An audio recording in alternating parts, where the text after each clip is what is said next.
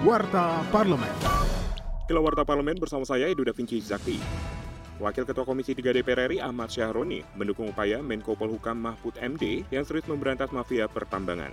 Menurut Sahroni, upaya tersebut juga harus didukung aparat penegak hukum secara profesional, karena proses pengungkapan mafia pertambangan akan sangat rawan intervensi. Politisi praksi Partai Nasdem itu mengingatkan profesionalisme harus ditingkatkan agar pemberantasan mafia tambang tidak dipengaruhi oleh tekanan-tekanan yang ada. Maka komitmen tersebut harus didukung seluruh instansi yang ada di bawah Menko Polhukam.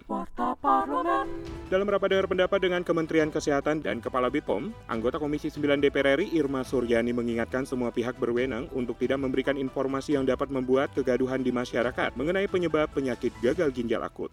bahan baku obat yang ada di Indonesia ini harus diperbaiki. Regulasinya juga harus diperbaiki, komitmennya juga harus diperbaiki. Saya sepakat dengan Bu Elva Hartati tadi, ya kita bikin panja. Biar jelas lah. Kalau saya melihat sejak awal, statementnya Pak Menteri ini seolah-olah sudah menyatakan bahwa EDEG inilah yang menjadi penyebab. Sementara BPOM bilang belum ada bukti yang sahih, bukti yang akurat yang bisa diukur bahwa ini penyebabnya. Nah kan bikin kegaduhan di publik, yang satu ngomong A, yang satu ngomong B.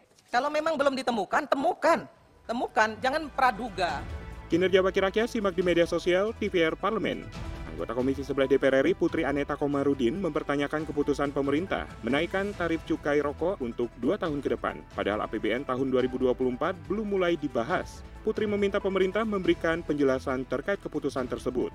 Legislator fraksi Partai Golkar itu juga mengingatkan pemerintah berhati-hati mengambil kebijakan tentang cukai rokok karena hal itu akan berdampak pada petani tembakau dan pekerja pabrik rokok. Televisi Radio Parlemen Demikian Warta Parlemen, produksi TVR Parlemen Referensi Indonesia, Biro Pemberitaan Parlemen, Sekjen DPR RI.